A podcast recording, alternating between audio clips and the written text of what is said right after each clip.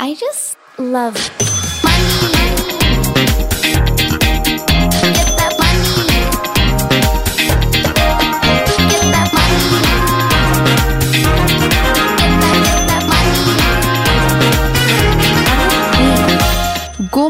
Og velkommen tilbake til en ny episode av Karrierekvinne podcast.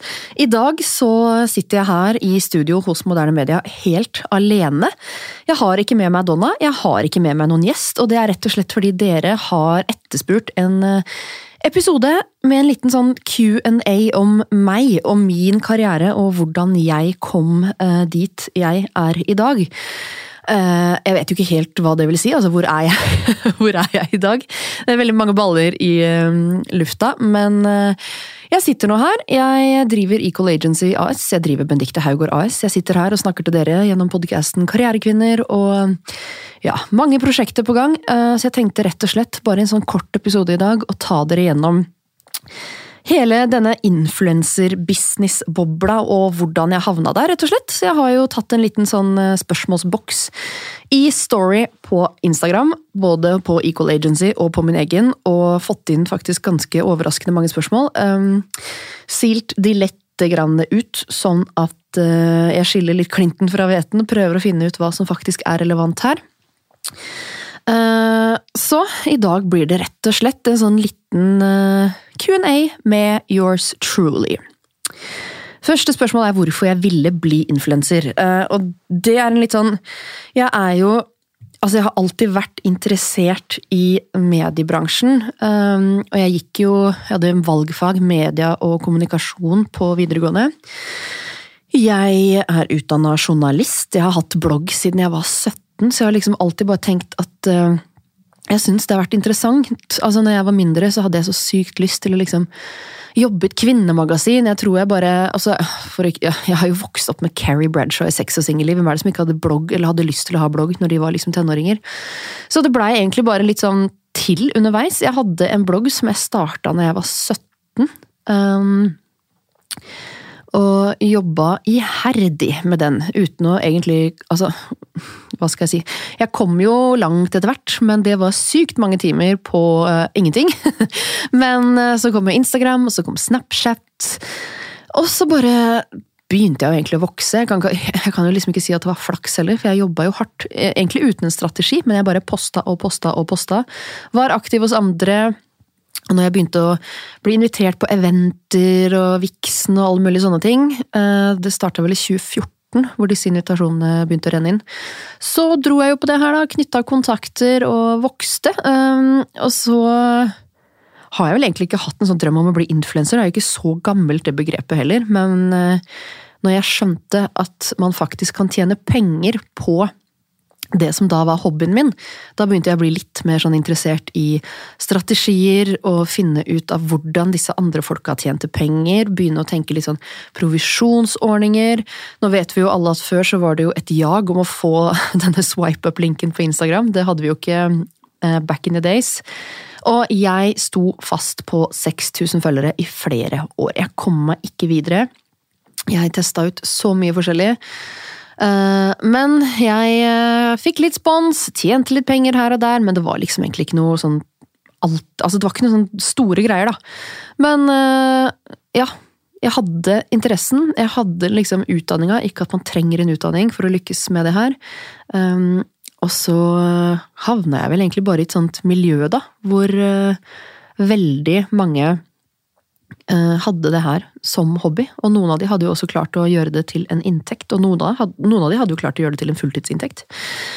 Så det var jo da jeg skjønte at ok, jeg har lyst til å kunne tjene penger på det her. Ikke nødvendigvis bli influenser, eller kalle meg det, um, men jeg hadde lyst til å tjene penger, og ja, tjene penger på å reise, eller så kommer pandemien, da. Men eh, tjene penger på å reise og rett og slett ha hjemmekontor, ikke ha en sjef. Så det var egentlig hovedmotivasjonen min, å kunne leve av hobbyen min uten å måtte stå opp drittidlig og måtte gå til en sjef. Nå fikk jo jeg barn før jeg breaka og begynte å tjene penger på det her, så jeg rakk jo aldri den greia med at jeg kunne sove lenge.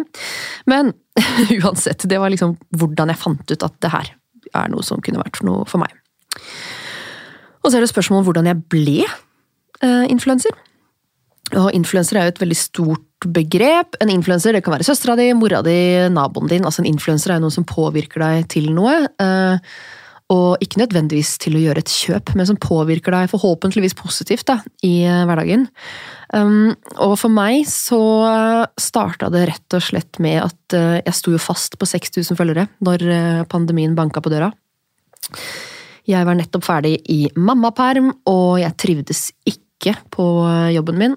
Um, så for meg så var det litt deilig at pandemien faktisk kom, fordi som jeg snakka om i episoden med Donna her var det forrige uke, at eh, jeg ble permittert. Eh, et halvt år, og da tenkte jeg nå har jeg et halvt år på meg til å gjøre det her til min fulltidsjobb. Eh, Så det jeg gjorde, var jo altså Da hadde jeg allerede kommet inn i Equal Agency, starta det her, nettverket begynte å bygge seg opp. Det var jo på det tidspunktet 300-400 medlemmer, og 90% av de var jo andre mikroinfluensere som hadde lyst til å lykkes.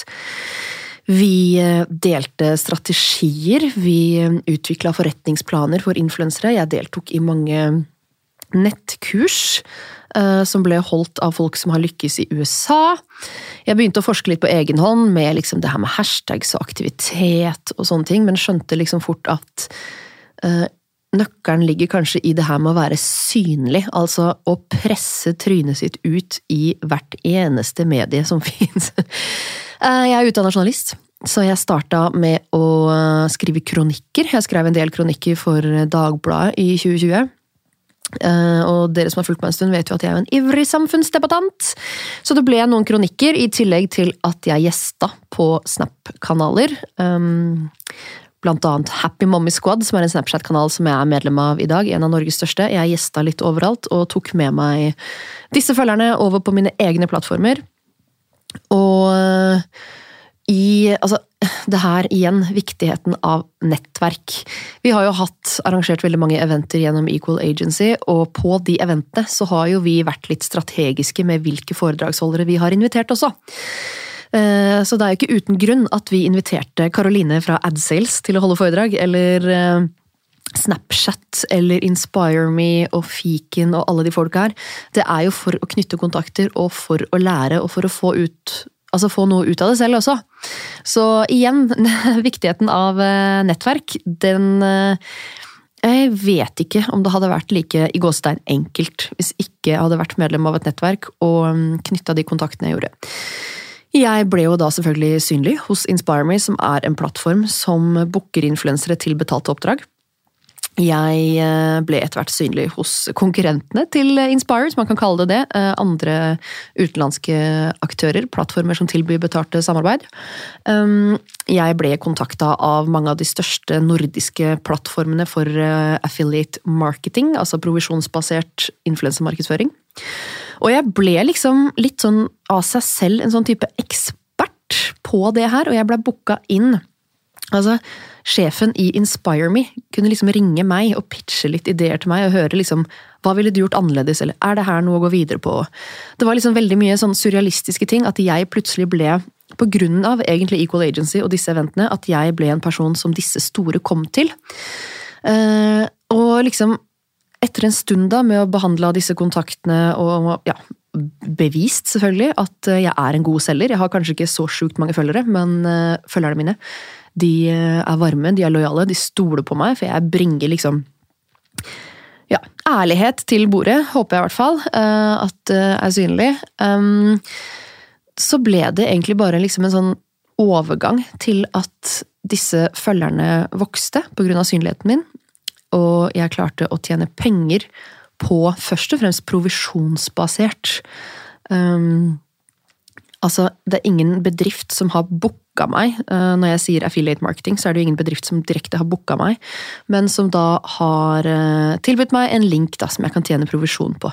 Og i fjor så dro jeg inn 600 000 bare i uh, provisjon.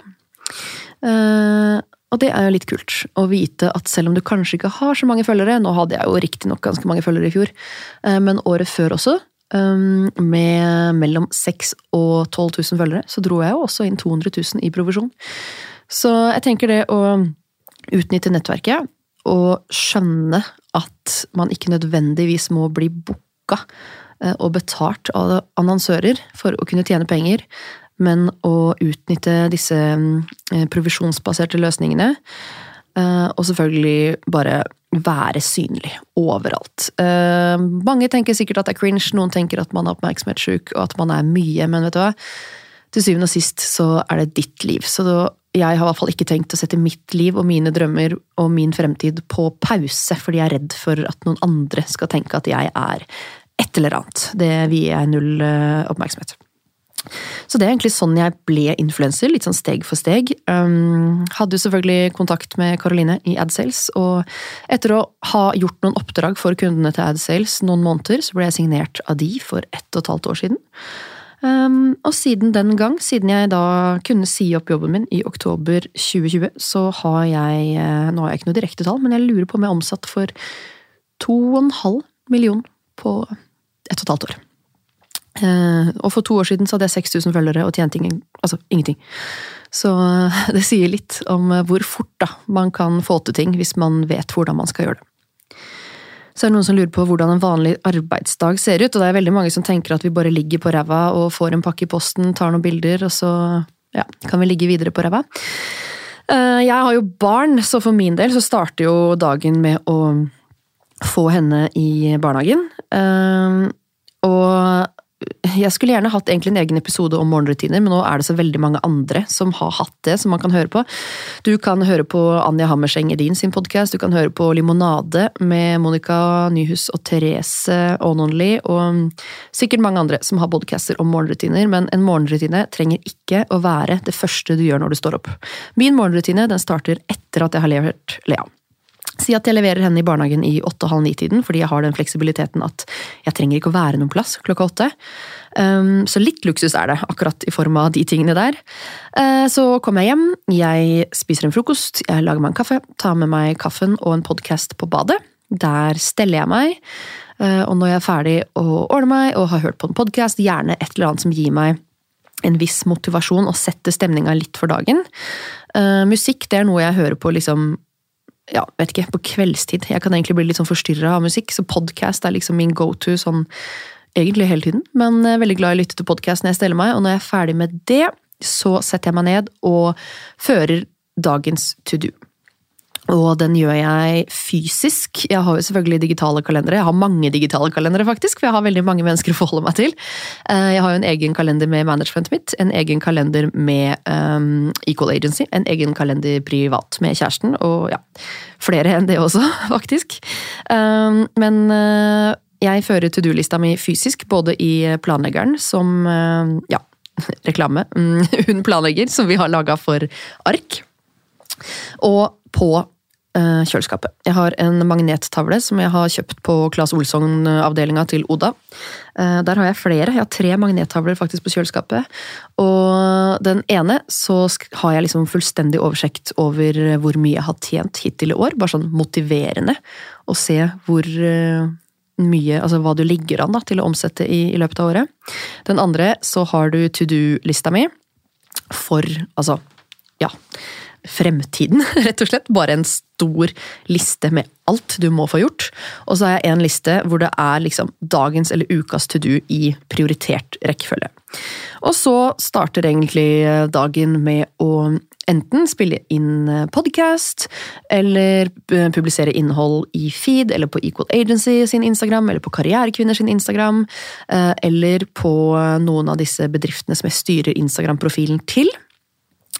Og så kan det hende at jeg må lage litt innhold, eh, og det mange ikke tenker over, er at når du får en pakke i posten og du har fått et betalt oppdrag, så må jo i 80% kanskje av tilfellene disse eh, bildene, reelsa, storyene sendes til godkjenning. Så da må man jo spille inn det her, og så tar det kanskje et par dager, og så får du svar da på om det er godkjent eller ikke. Eh, og da kan det hende at du må spille det inn på nytt, og da er det jo litt kjipt, da, hvis du plutselig har dratt på hytta uten disse klærne, for eksempel. Så det er litt viktig å gjøre det ordentlig. Uh, spiller inn innhold. Og så lager jeg meg en lunsj, og så har jeg Jeg starter Altså, jeg har aldri møter eller coaching. Jeg driver jo også én-til-én-coaching. Jeg har aldri det her før tid. I tilfelle eh, jeg har en litt treig start på dagen, eller at dattera mi trenger meg litt lenger på morgenen. Jeg har jo ikke noe garanti for at hun plutselig har en kjempedårlig dag, og da har jeg jo lyst til å gi henne rommet til å ja, være litt lenger hjemme, ha en litt sånn slow morning. Men jeg har veldig ofte coachinger. Noen ganger så har jeg opptil ti coachinger på én dag. Um, og så, sånn som nå, da, så sitter jeg jo veldig mye foran uh, Mac-en og lager dette nettkurset. Så da spiller jeg inn moduler til nettkurset, lager nettkurs og PDF-filer, arbeidsbøker, forretningsplaner, strategier. Um, jeg snakker med Eller jeg spiller inn videomoduler med eksperter som skal være med i nettkurset. Og ja, veldig mye sånt. Så det her med å ta dette bildet, eller å være på Story, det er kanskje én time av dagen min. Resten går jo da til eh, andre prosjekter, eller det går til regnskap. Det er mye å holde styr på. Um, og så går det jo da selvfølgelig til å utvikle nye produkter, da. Nye kolleksjoner, samarbeidskolleksjoner. Mye mail. eh, For det er jo sånn at ting som jeg kanskje skal lansere om et halvt år, det må jo jeg kanskje jobbe daglig med nå. Så det er jo veldig, veldig mange forskjellige prosjekter i løpet av en dag. eh, Noe som gjør at når jeg må hente i barnehagen klokken fire, så er det ofte at jeg må bla opp Mac-en igjen i sju-åtte-tida og jobbe et par timer på kvelden også. Så eh, ja. Men det er jo noe jeg har valgt. Um, Det fins mange influensere som kanskje har en mye slakkere hverdag. Eh, Men ja, jeg har valgt å ha det sånn som det her. I hvert fall nå i begynnelsen av karrieren min, så får det heller dabba litt etter hvert. Jeg har jo en plan om å jobbe mindre. Det hadde jeg jo egentlig for 2022 òg, men den har gått i vasken. Men etter nettkurset er lansert 25. april, så har jeg veldig lite på agendaen. Eh, Alt av eh, lanseringer er eh, nærmest spikra, så jeg skal nyte sommeren, for å si det mildt.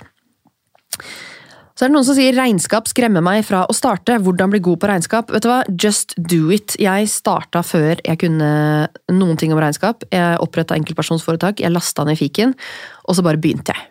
Eh, Så det er egentlig det du må gjøre. Så um, ikke noe reklame for fiken her, men de gjør det veldig enkelt for oss som er dårlige i matematikk. Jeg fikk kun toer i den enkleste matten på videregående, og fiken har rett og slett vært redninga. Så det handler om å sitte litt i fiken, se på disse modulene de har, bruke den gratis kundestøtten de har, gå på YouTube. Og bare begynne å prøve. Fordi du tenker kanskje at det er dritskummelt å gjøre noe feil. Um, det kan være det, men uh, hvis du gjør noe feil, så kan du ofte kreditere fakturaen, f.eks. Hvis du har sendt noe feil eller noe sånt. Um, og så er det jo lurt, hvis du har dårlig regnskap, ha en regnskapsfører fra dag én. Det hadde i hvert fall jeg. Så ikke tenk at du må bli god på regnskap før du starter bedrift. Gjør det heller motsatt, for da tenker du liksom til slutt oi, shit, nå har jeg fått mye kunder, nå må jeg faktisk lære meg regnskap. Og så er det noen som eh, lurer på om jeg har delegert ut noen arbeidsoppgaver, for jeg snakka litt om det her med at jeg har eh, lyst til å um, ansette noen. I Equal Agency så er vi da tre ansatte, og i Benikte Haugård AS så er vi nå snart to ansatte. Så det er jo utrolig kult at eh, jeg kan få være med og gi noen andre eh, jobb gjennom mitt foretak. Firma. Foretak. Jeg har ikke enkeltpersonsforetak lenger, men min bedrift. Um, så jeg har delegert ut arbeidsoppgaver. Jeg har delegert ut uh, arbeidsoppgaver som frigjør Altså, jeg har veldig lyst til å jobbe kreativt, uh, men å booke podkastgjester Jeg vet jo hvilke gjester jeg vil ha, men å finne en person som kan ta seg av den, altså å fysisk putte det i kalenderen, og ta kontakt med dem og putte det i kalenderen, det har jeg delegert ut. Jeg har delegert ut fotograf og videograf til å hjelpe meg med å lage innhold. Og så har jeg delegert ut litt av den innholdsproduksjonen som jeg gjør for andre bedrifter. Så det er noe av det jeg har delegert ut. Nå står det jo her arbeidsoppgaver, hvilke arbeidsoppgaver jeg har delegert ut, men det er også en del andre ting som ikke er arbeidsoppgaver nødvendigvis, som jeg har delegert ut. Men det er at jeg har vaskehjelp. Eh, Og da kan folk kanskje tenke å herregud, vaskehjelp, hva skal man med det, klarer man, klarer man ikke det sjøl? Jo, det klarer man sjøl, men jeg slipper å irritere meg over at huset er rotete eller møkkete. eh, Og jeg slipper å gjøre det sjøl og bli grinete på f.eks. unge eller samboer som roter og ikke rydder opp etter seg, eller ja, sånne ting. Og eh, det frigjør såpass mye tid at jeg kan tjene inn det den vaskehjelpen koster. Og mer enn det. Jeg har også delegert ut støvsuging til robotstøvsugeren min, og mathandlinga til Oda og Hello Fresh. Så jeg har delegert ganske mye eh, av livet mitt, eh, egentlig. Og så er det noen her som eh, lurer på hva jeg satser mest på fremover. Altså, jeg satser mest på å få mer tid med familien min og kunne jobbe smartere, ikke nødvendigvis mindre, kanskje mindre i form av timer som jeg bruker på jobb og på å sitte på telefonen. Um, men jeg satser mest på å kunne redusere stillingsprosenten min. Altså jeg er ansatt 100% men jeg tipper jeg jobber 250.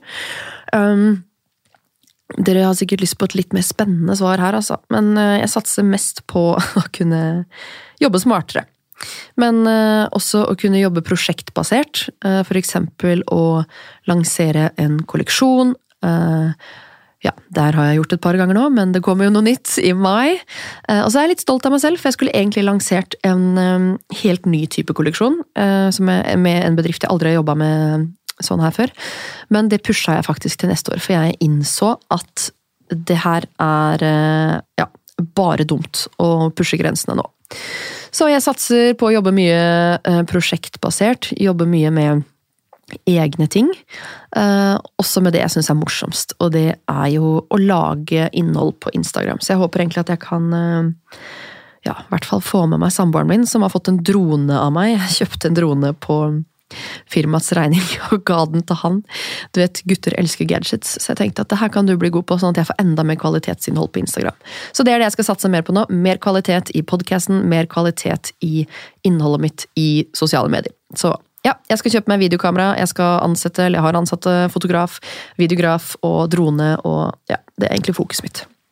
Kvalitet og eh, prosjektbasert og mindre liksom hesblesende hjertebank, tusen baller i lufta-opplegg. Og så er det jo noen som lurer på hvordan man kan tjene penger som influenser. Det snakka jeg jo litt om i stad, at det er jo mange måter å tjene penger på. Du kan jobbe med annonsører, altså enten om du tar kontakt med en bedrift, eller om bedriften tar kontakt med deg, og får betalt for å gjøre en type jobb, da. Enten du får betalt for én reel, én story, en post i feed, eller du kan tjene penger provisjonsbasert.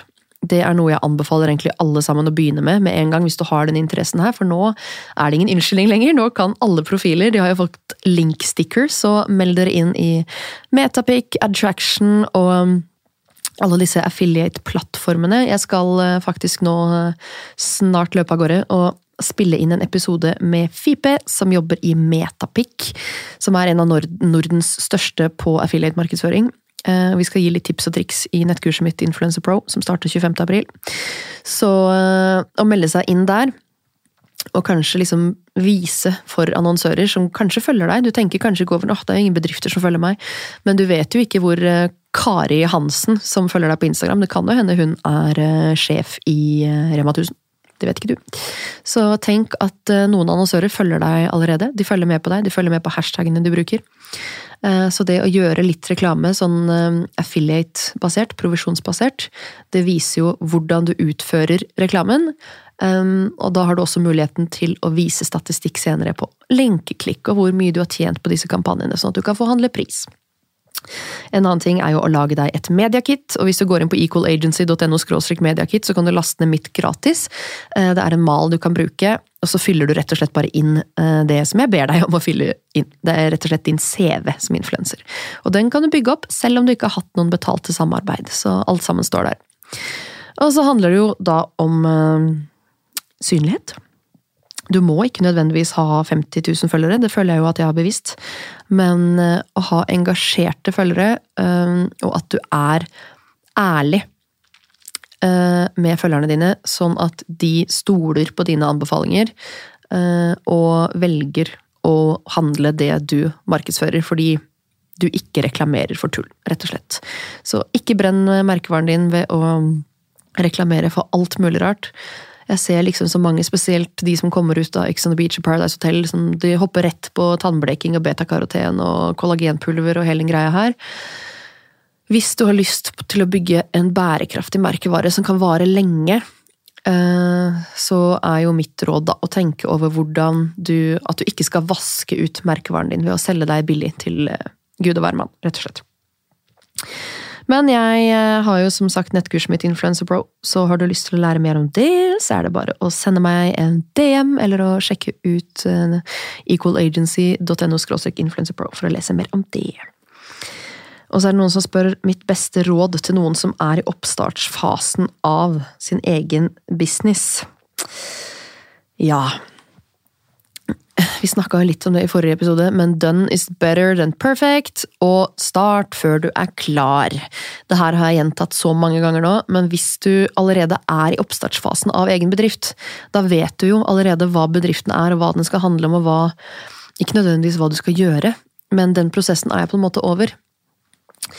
Eh, Så bare tenk at Altså, ikke forvent at du skal kunne ta ut en millionlønning det første året. Ifølge gjennomsnittet så kan man jobbe fem år gratis i en bedrift før man kan ta ut lønn. Um, så bare ha det litt sånn i bakhodet, at selv om man hører liksom suksesshistorier om folk som har fått det til og tatt ut lønn første måneden, uh, så gjelder ikke det alle. Et godt eksempel der er jo Equal Agency. Det tok jo ett og et halvt år, tror jeg, før vi tok ut en lønning derfra. Um, så ha tålmodighet. Tenk at det er greit at det tar litt tid.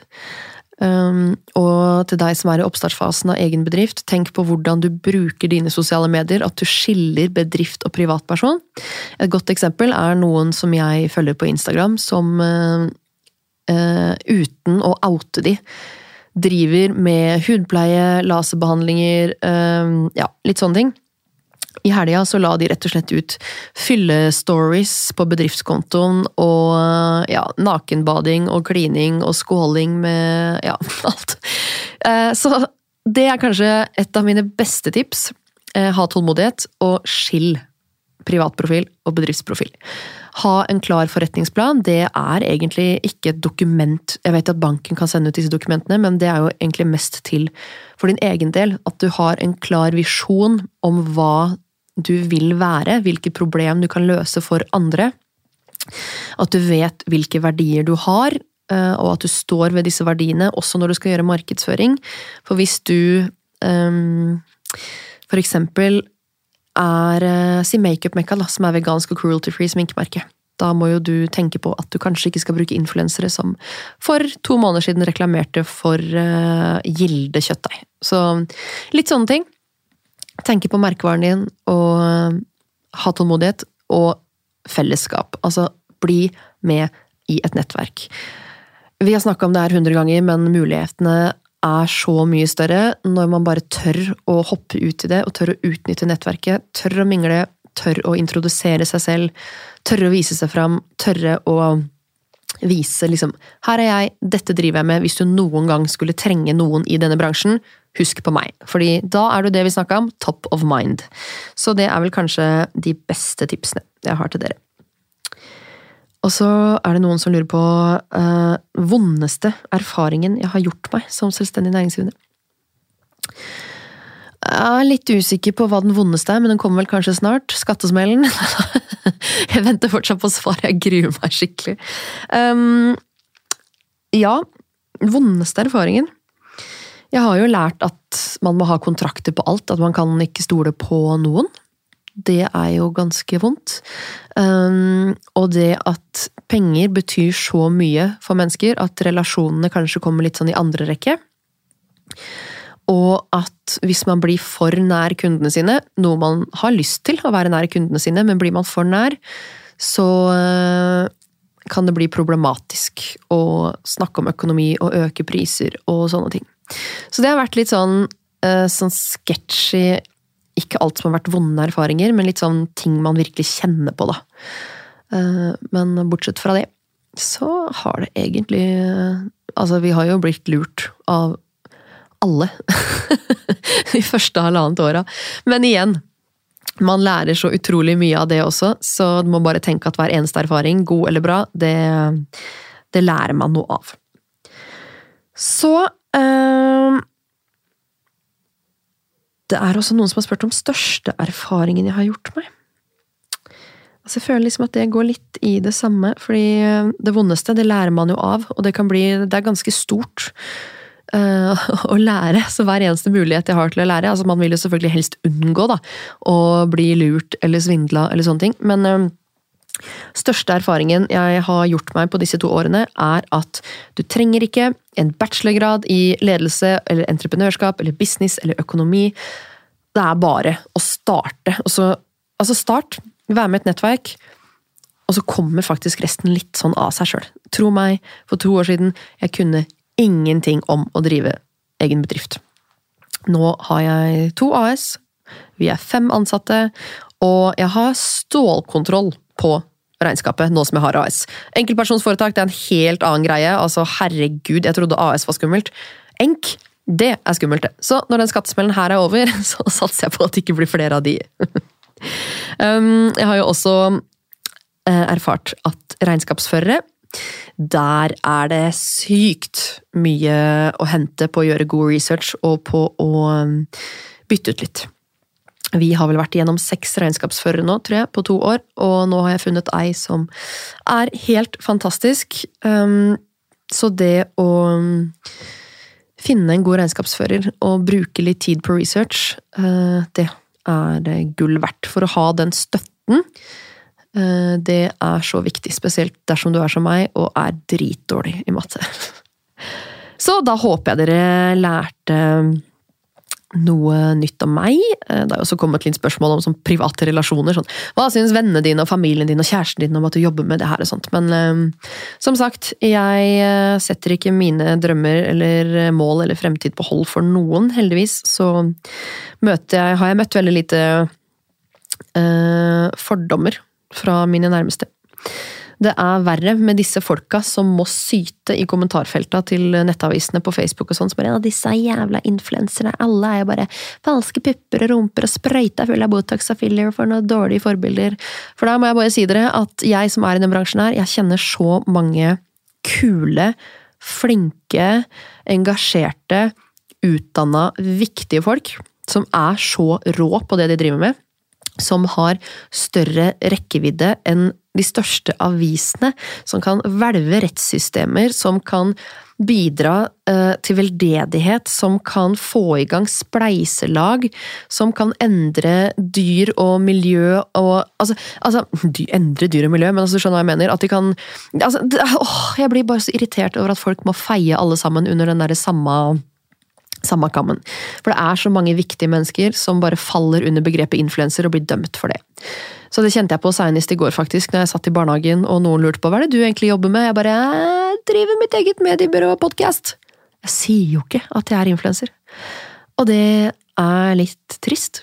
For eh, flesteparten, i hvert fall i min feed, og de jeg følger, og de jeg kjenner, og de jeg ser opp til og legger merke til, det er jo mennesker som driver fete bedrifter. Se på Eirin Kristiansen, som har et eget forlag og en egen eh, klesnettbutikk. Og fysisk butikk, for så vidt. Se på Eveline Karlsen, som har 1000 prosjekter og omsetter for hva da, 8 millioner kroner, eller? Se på Funkygine, se på Kristin Gjelsvik. Altså, det er så mange fete folk der ute, så jeg syns liksom ikke at de skal overskygges over de som media velger å gi TV-tid og spalteplass til, fordi media liker ekstremisme, det er det som klikker. Dessverre for oss, men uh, la oss ta tilbake influensebegrepet nå, og ikke feie alle sammen under ene kam. Er det greit? Anyways. Jeg skal uh, takke for meg og uh, hoppe videre, så ønsker jeg dere en fin uke videre. Og så er det bare å følge meg på benedictehaugård.no og equalagency.no. Og så snakkes vi. Ha det bra! I just love money.